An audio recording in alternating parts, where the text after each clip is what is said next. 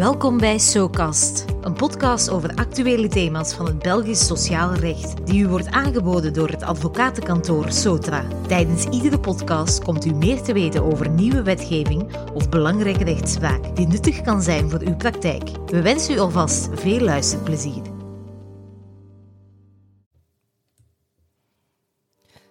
Hallo, mijn naam is Johanna Verelst, advocaat bij het advocatenkantoor Sotra. Heet jullie graag welkom voor een nieuwe aflevering van SoCast, een podcast over arbeidsrecht. Ditmaal met Karel de Vloo. Vandaag gaan we het hebben over de toch wel ingrijpende wijzigingen in de drie antidiscriminatiewetten die op 16 februari door de Kamer werden aangenomen. Karel, voor we deze wijzigingen bespreken, kan je nog even kort het wettelijk kader in deze materie in herinnering brengen? Wel, in België wordt deze materie geregeld in drie afzonderlijke wetten.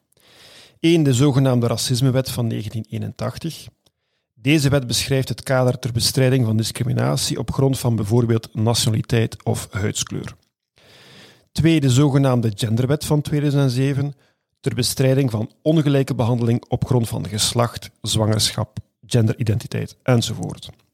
En ten derde de Algemene Antidiscriminatiewet van 2007, die een lijst aan beschermde criteria beschrijft, zoals onder andere leeftijd, geloof, politieke overtuiging enzovoort.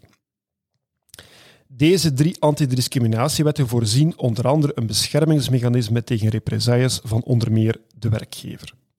Zo mag iemand niet ontslagen worden omwille van het feit dat hij een mogelijke discriminatoire behandeling aankaart en dit binnen een periode van 12 maanden na het neerleggen van een klacht in dit verband. Welnu, de wetgever heeft de mogelijkheden van dat beschermingsmechanisme uitgebreid in de, die, in de drie antidiscriminatiewetten. Deze wijzigingen zijn er gekomen onder impuls van de Europese Commissie en ook rechtspraak van het Hof van Justitie, die al jaren van mening zijn dat de geboden bescherming tegen represailles in de Belgische wetgeving ontoereikend was. Dus met andere woorden, voortaan zullen Belgische werknemers zich gemakkelijker kunnen beroepen op een beschermd statuut op basis van de antidiscriminatiewetten. Ja, klopt. Werkgevers zullen in de toekomst steeds vaker rekening moeten houden met uh, deze ontslagbescherming, omdat de voorwaarden om van deze bescherming te kunnen genieten een stuk soepeler zijn geworden. Overigens, wanneer we in deze podcast spreken over bescherming tegen ontslag, dan gaat het over eender welke nadelige maatregel die de werkgever tegen een werknemer neemt, zoals bijvoorbeeld het doorvoeren van een eenzijdige wijziging van zijn arbeidsvoorwaarden. Er zijn drie grote wijzigingen. Eén, de strikte formaliteiten om beschermd te zijn, die vallen grotendeels weg. Twee, veel meer personen zullen in aanmerking komen voor een beschermd statuut. En drie, de werkgever die wil overgaan tot ontslag van een beschermde werknemer zal zich nog meer dan vroeger moeten steunen op feiten die volledig losstaan van de vermeende discriminatie. Goed, laat ons die drie punten één voor één bespreken. De formaliteiten vallen dus grotendeels weg.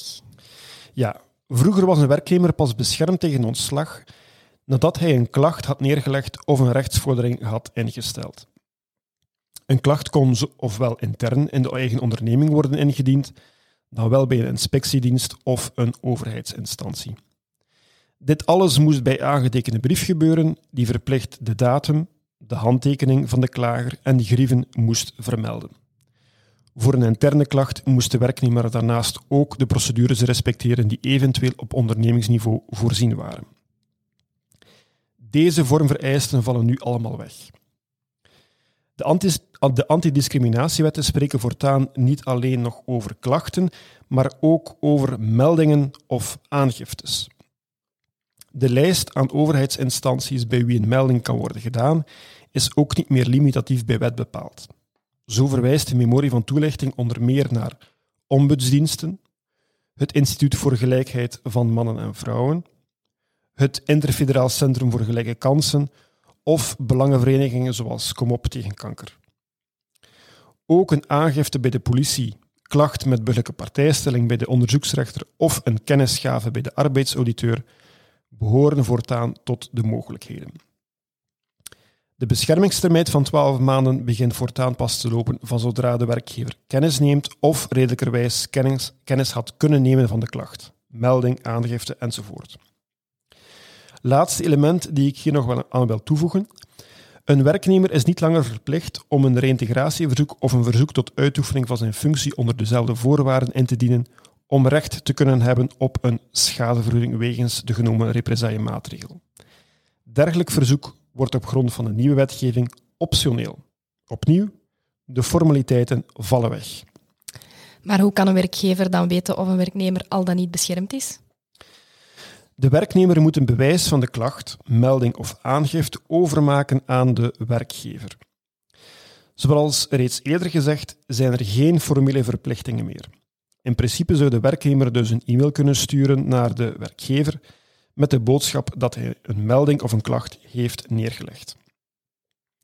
De wetgever voorziet niet expliciet de mogelijkheid dat een derde partij, bijvoorbeeld een administratie of een belangenvereniging, de werkgever in kennis stelt van een dergelijke melding, maar op zich is het wel mogelijk. Voorts voorziet de wet dat, um, dat de personen die een melding doet, hiervoor bij de betrokken organisatie, dienst of instelling een schriftelijk en gedateerd bewijs kan opvragen. Dit bewijs zal vermelden de identiteit van de persoon, de ondernomen acties en de datum waarop het bewijs werd gevraagd.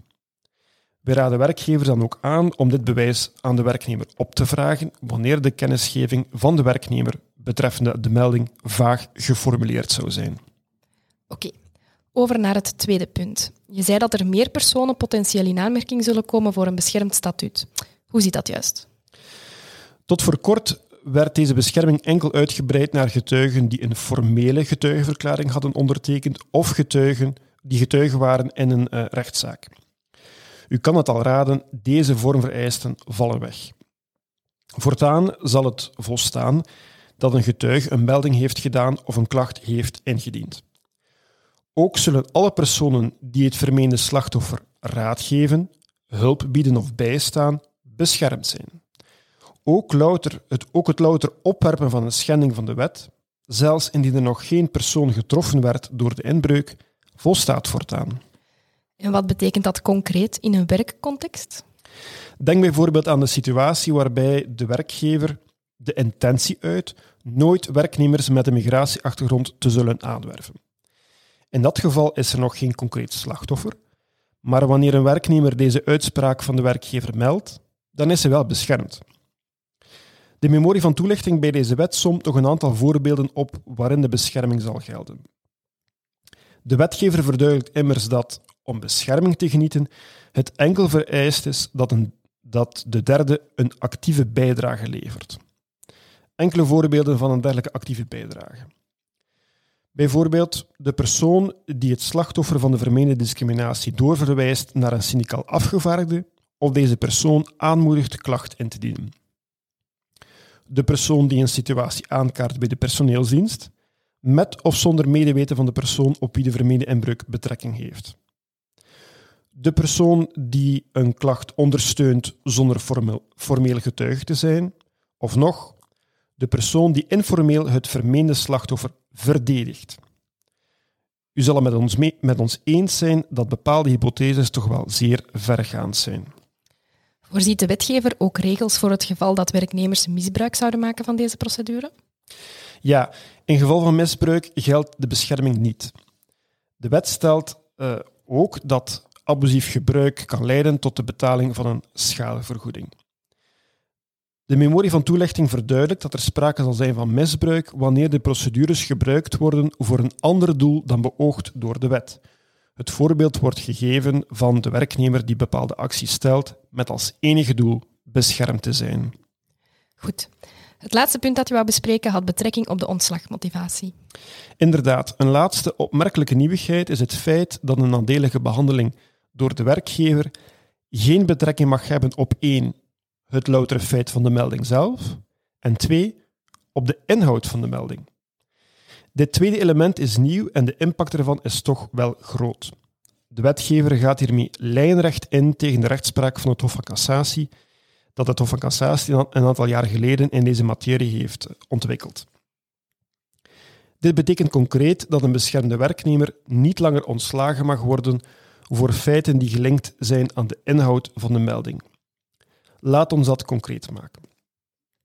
Een een leidinggevende heeft kritiek op de arbeidsprestaties van een werknemer. Er vinden verschillende gesprekken plaats en de werknemer ontvangt diverse e-mails en notas waarin hij gewezen wordt op zijn tekortkomingen.